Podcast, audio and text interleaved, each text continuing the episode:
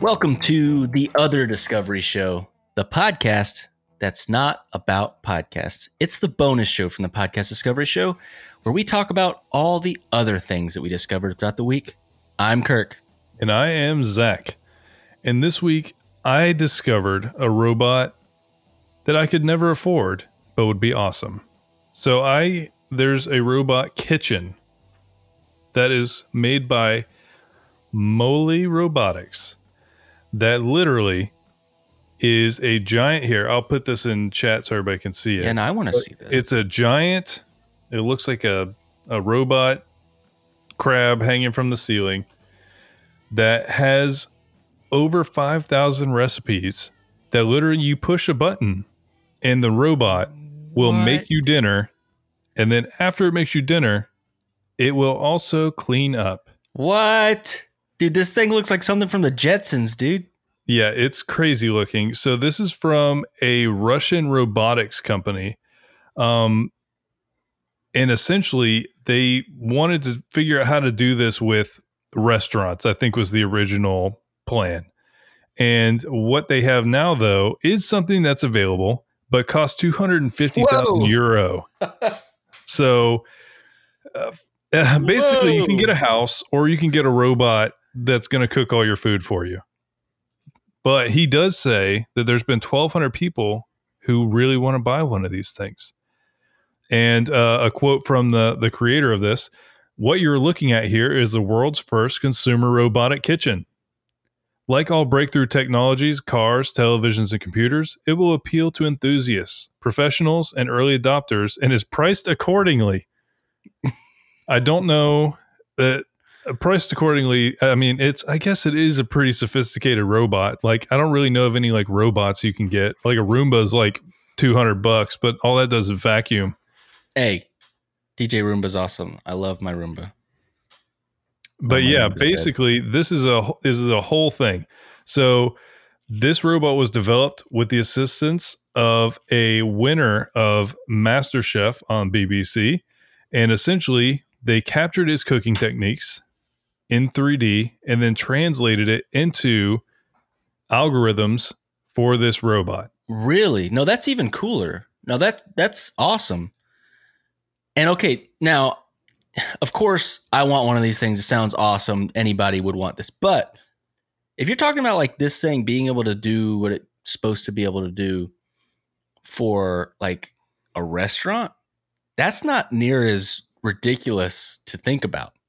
No, Um, it, it definitely seems to make more sense if it could just be blasting through because it could be 24 hours.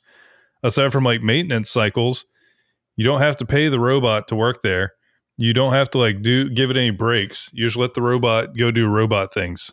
Yeah, I mean, literally, if it does the job of like two or three people, then it could pay for itself. I mean, I don't know. It's it sounds like it sounds crazy. You know, it sounds like something out of like I said, the Jetsons, something that's way too far in the future that would never actually be a thing. But it's What a thing. is what was okay? I'm assuming because you keep referencing it, you watched the Jetsons as a kid. What was the thing on the Jetsons that you wanted?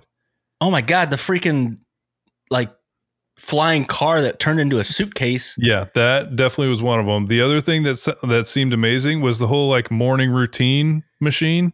Yeah, That like it would just put you on a conveyor belt and you wouldn't have to actually do anything, and it would You like give you a like, shower. your clothes on, Yeah, give you a shower. It's just like I'm not going to wake up until I'm at work. My car is going to fly me there, and then it's going to turn to a briefcase. I'm going to go inside. Now the Jetsons is amazing, but on this robot, there are a couple more chefs who are working to kind of go for the launch of this thing. They've created 30 new dishes to showcase the capabilities, and then they're going to add new recipes every month. And the company has said that ultimately customers will be able to select from a digital menu of more than 5,000 choices, as well as having the option to record their own favorite dishes. What? So you could give you it your grandma's recipe Yeah. make grandma's tamales? Yeah. Or like, or Oh my like God. Nana- Nana's biscuits made by a robot every morning. That's amazing. I mean, it's definitely something that if I was like ludic- ludicrously rich and could just drop 250,000 euro on something that's, I don't, I can't tell if it's laziness or if it's genius. You know what I mean? I like, I like cooking. cooking. I like cooking. We said Um, that basically the same time. but like the fact that you can have like almost the perfect meal made for you just by you, you can imagine like being like hey alexa i want this for dinner and then it gets your robot to make it while you're driving home from work yeah. that sounds amazing Or I could at least tell the robot to be my like sous chef. So it can cut all the it can like peel the potatoes and like cut them up and I'll get home and I'll do the the cooking part. we're having our small uh first christmas thing tomorrow and i have to make both a sweet potato thing and my famous mashed potatoes. So i have so many potatoes to peel in the morning and i'm not I like how they're like you're the potato guy. i'm the Both of potato guy. I don't know how it happened but i am the potato guy. And uh, i have to peel so many potatoes. I mean luckily i have children so i usually make them help me peel the potatoes. Does that work? Can you convince them to peel potatoes? yes yes yes. Because then I they're like i want to help. I'm like okay peel these potatoes. No, peel the potatoes. No, I mean that wasn't even my least favorite thing. The worst thing for me was like uh shucking peas. Shucking corn was the one I hated. I didn't mind corn. I think I got used to that. But yeah, okay, well, no, he- this is this is what would happen with me is it would be every every summer, and my dad would go to the market and he would buy a truckload. So like the whole back of his truck would be full of it. So you're talking like 400 ears of corn. so it wasn't like okay, we're gonna shuck you know 15 ears of corn, five ears of corn. It was like a hundred because then my mom would like make cream corn and freeze it, and it was just Mhm. like oh my god, it was It sounds good. And it was always like, you can't do anything until you shuck all the corn. Then you can go swimming. Then you can go ride your bike. God, I- that is not how your dad sounded when I remembered it at least. no, it wasn't my dad. My dad didn't care. He didn't care who shucked the corn. He's just like, I ain't doing it. I bought it. Someone, someone figure out who's doing it. I Um, bought it, so I'm not responsible for the shucking. That was my mom. My mom was a teacher as well, and the summers were the worst. I mean, it was the best and the worst because, like, she would buy me school books and make me do math and reading stuff in the summer so that I wouldn't forget stuff. So I'd have to wake up in the morning and basically do homeschool in the summer. And I remember my friends would come over and I still would have to do it. So they'd be swimming in the pool without me while I'm doing my math lessons during the summer. Got him. I hate them so much. I hated Is them. Is that so why you much. hate math? Yes, that is exactly why I hate math. That's why he hates math and corn. So now you know. I hate both so much. Just give me a hot dog. I love hot dogs. You and the hot dogs. Don't try and blame this on me. All right, so I found this. I mean, it's just an amazing article. It's so good. I'm gonna share it here in the chat real quick because you got to see this little the little picture. It's about this science experiment that they did. It was a it was a science experiment about rats, but and and I guess they're in enriched environments or whatever. You know, they'd give them things to play with, or you know, uh, a wheel that they could run in, and some like a ball that they could roll around. But they went a little bit further. It looks adorable, the picture I'm seeing on the front of this article. They made a car that the What? rats could drive, and they actually learned how to drive. Um, obviously, the first picture is just like a rat in a toy car, but the next one is the actual car that they built for the rats. No, Um, like I'm watching this video and Mhm. everybody should stop what you're doing right now. If you're listening, go to the show notes and click this video because you can watch this rat drive the car around a little room. I mean, it's safe. It's safe for the rat, but he's driving around a car and hitting walls and it's amazing. It, the article reads If you're going to teach rats to drive, first you need to build them a car or a rat operated vehicle. The chassis and powertrain come from a robot car kit. It looks kind of like a you know RC car, and a transparent plastic food container provided the body. Explaining the idea of a steering wheel and pedals to a rat was probably a little too difficult, so the controls were three copper wires stretched across an opening cut out of the front of the bodywork and an aluminum plate on the floor. When a rat stood on the plate and gripped a copper bar, a circuit was completed, and the motors would engage. One bar made the car turn left, one made it turn right, and the third made it go straight ahead. If proof were needed that many existing psychology tests are too simple, rats did not take very long to learn how to drive this thing. uh, they basically made this arena so that the rats could drive in it, but they would they learned how to control the vehicle very well.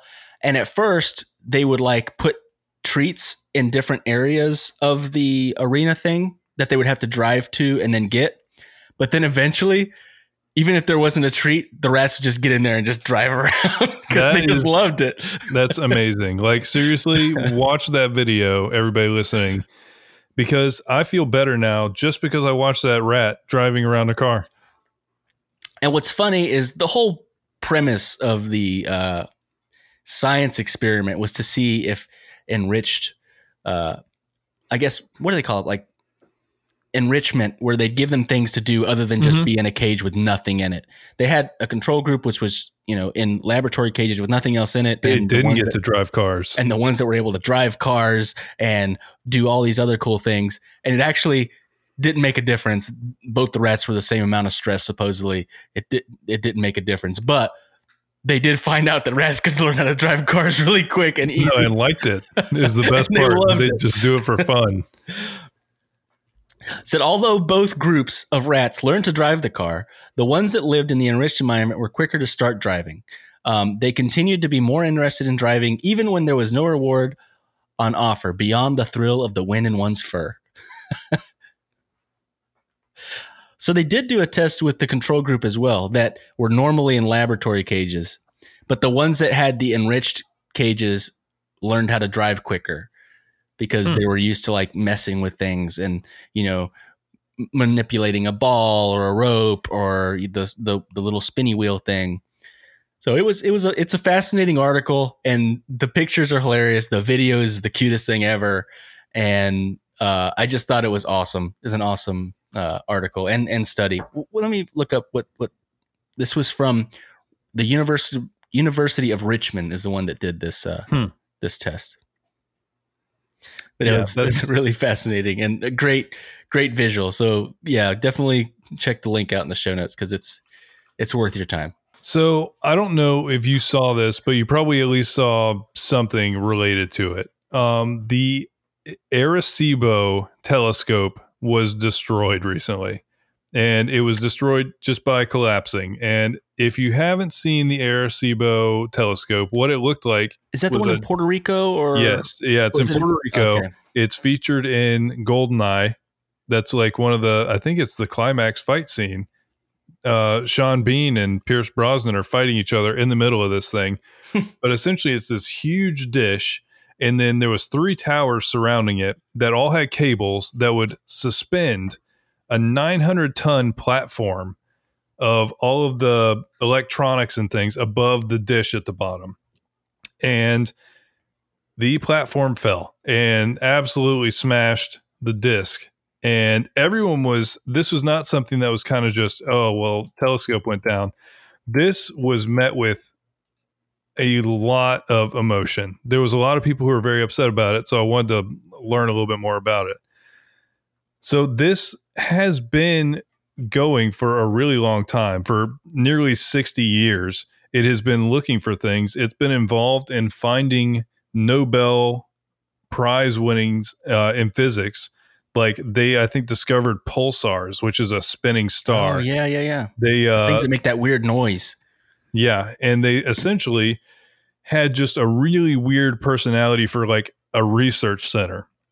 So one of the other main things that they were very famous for was I don't even know how you pronounce it, uh, but I think it's SETI, SETI Institute, and Yeah, it's. S E T I. It's the Mhm. search for extraterrestrial intelligence.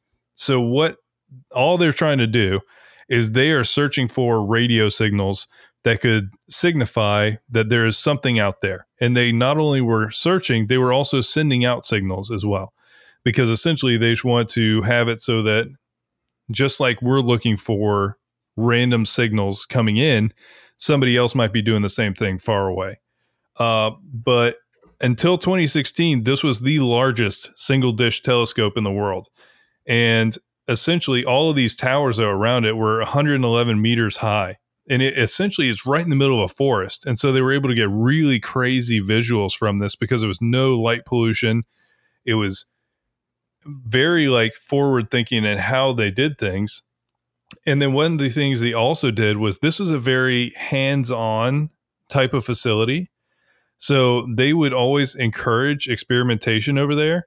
So uh, here's a quote uh, Most observatories won't let you touch anything, but at Arecibo, you could play around with the telescope. They let you tinker and play and occasionally break things. and they essentially would welcome people who wanted to do whatever there. They were kind of free thinkers in that they wanted people to just be able to explore in any way that they could use that technology to explore. They were 100% behind it. And so that's how it got really popular with the the SETI groups is because essentially there was a limited amount of telescopes that they had access to, Mm. but then they could go work with Arecibo. And so essentially they worked there. I okay, in 1977 was the first time a SETI scientist because first of all, almost a lot of very prestigious schools have SETI departments. You know, this is not something like I, I know that when you say like extraterrestrial intelligence, it kind of points you to the idea of like, okay, somebody's Ancient like, aliens. yeah, somebody's looking for UFOs or yeah, guy with the crazy hair. Yeah, the guy from Ancient Aliens. But I do think that there's more than that. They're essentially just looking for abnormalities in space. You know, that's really what it comes down to. And so there's a lot of colleges, um, prestigious ones even, across the country that are involved in this. And so a lot of times what they had set up is they would also incorporate people to do it. Like we've talked about a couple of these large data projects where they would invite volunteers to be a part of it because there's just so much to sift through. Mhm. If you can have a wide group of people all giving some time to it, it'll help you cut it down. So there was a lot of there was a lot of projects going out of here.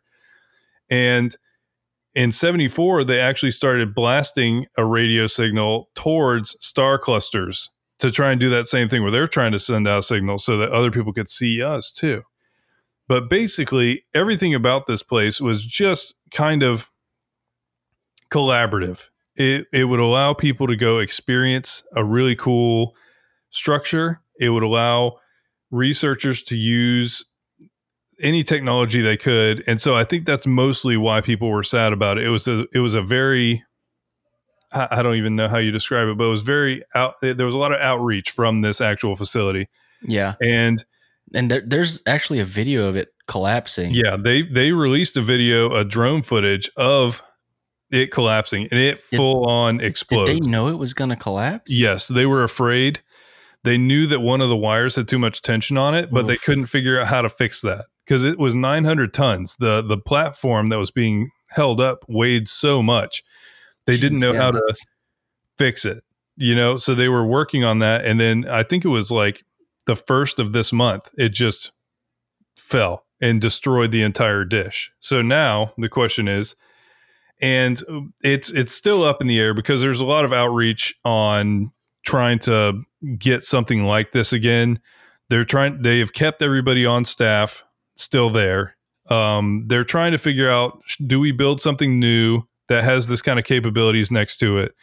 Do we try and repair this one, or do we just try and pivot to something else? So right now, it's still completely up in the air.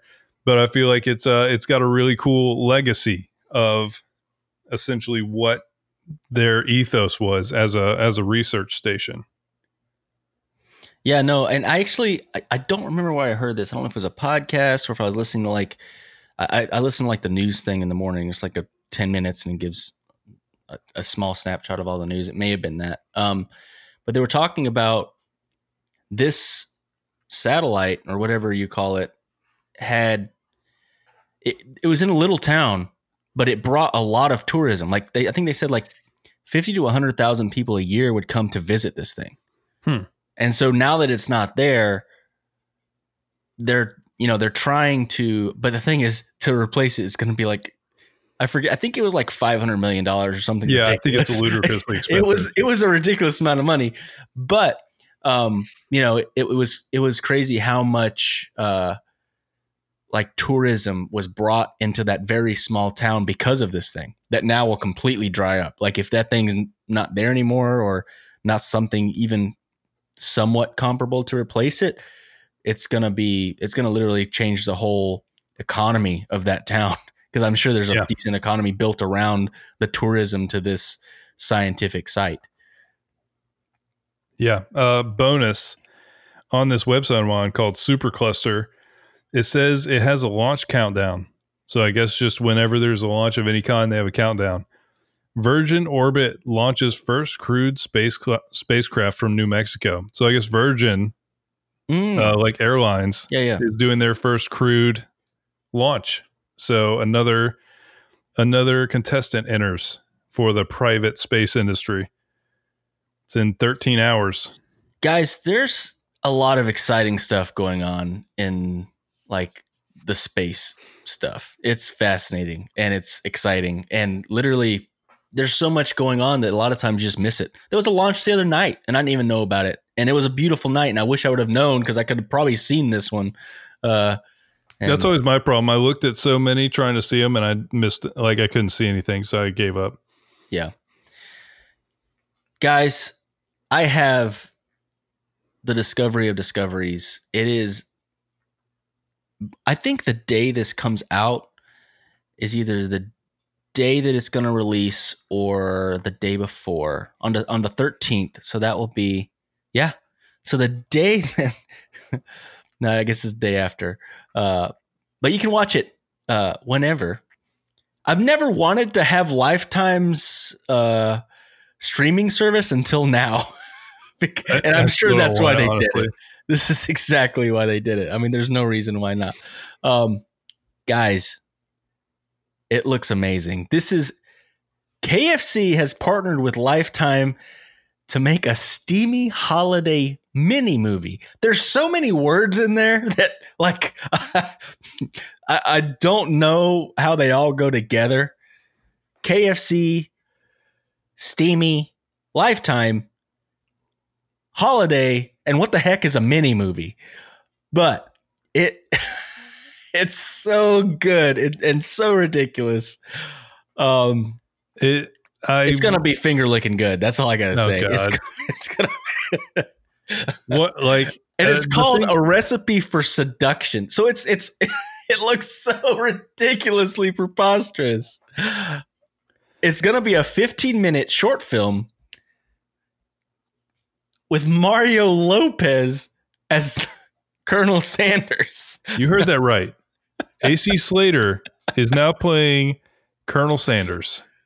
Um, I'm gonna read some of this press release because this is It's like our mini It's- version of Munch Squad. I guarantee they have to cover this there's right. no way. There's no way that they don't. There's no possible way. The mini movie is full of mystery, suspense, deception, foul play. Get it? Foul like chicken, chickens, fowl. Uh, and at the heart of it, love and fried chicken. like the the level of self awareness for this, I will give them makes it sound hilarious because okay, You've got to watch the, stuff before. the trailer. It's so ridiculous because you can tell they actually made it seem serious. Like, but like fake serious, like But soap opera serious. yeah, yes, it feels like a soap opera. One out, one thousand percent. Uh, the release describes the film as a quote unquote steamy holiday love affair involving a young heiress whose mother has handpicked a suitor for her.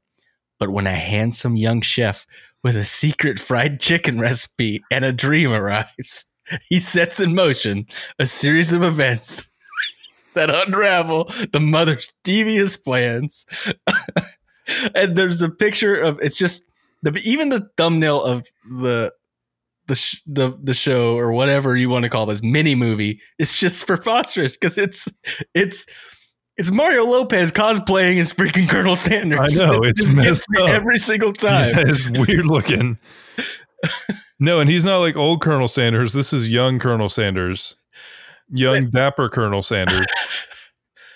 First of all, how does how does this guy still look so young and like regular and and like he looks younger than me. Yeah, he does. He looks I don't younger than get we it. do. Uh, he's, I don't, I know. don't get it. Um, and it, they took it even a step further, guys. KFC and Uber Eats are offering a special promotion in conjunction with the film.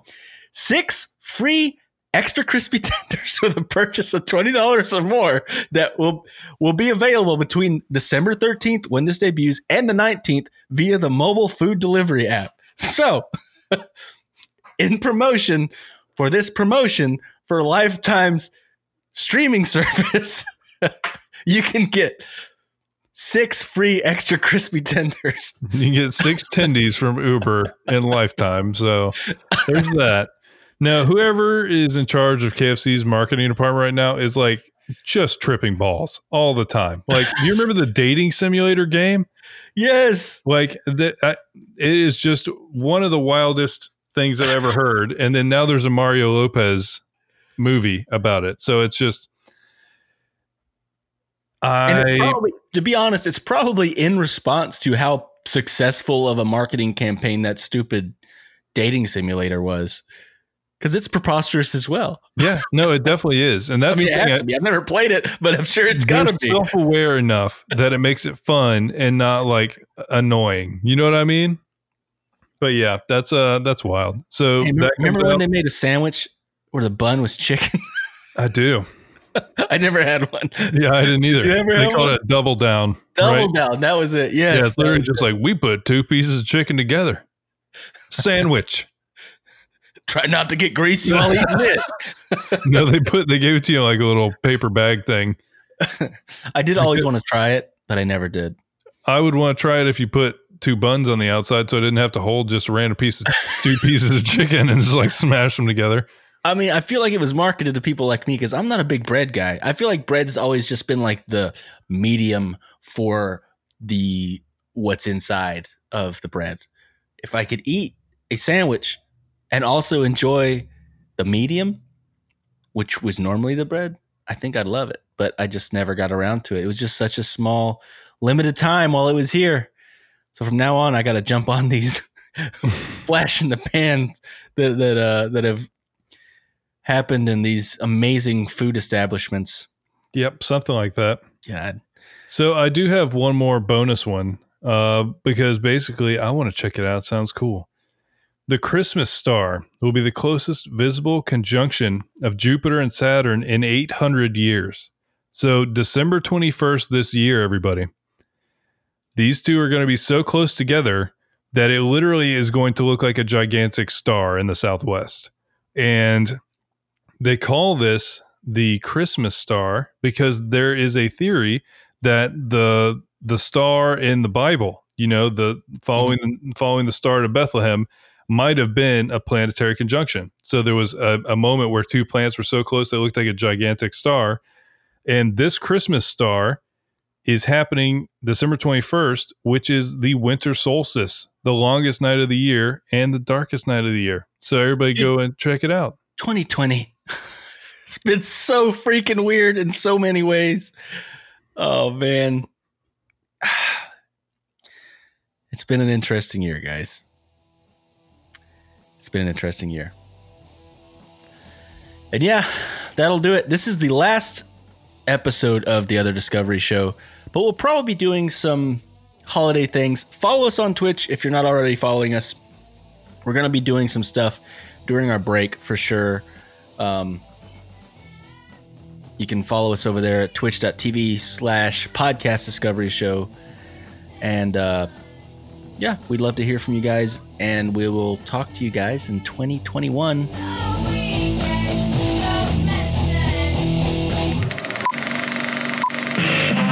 This was a podcast from the Podfix Network. You can check out more shows like it at podfixnetwork.com.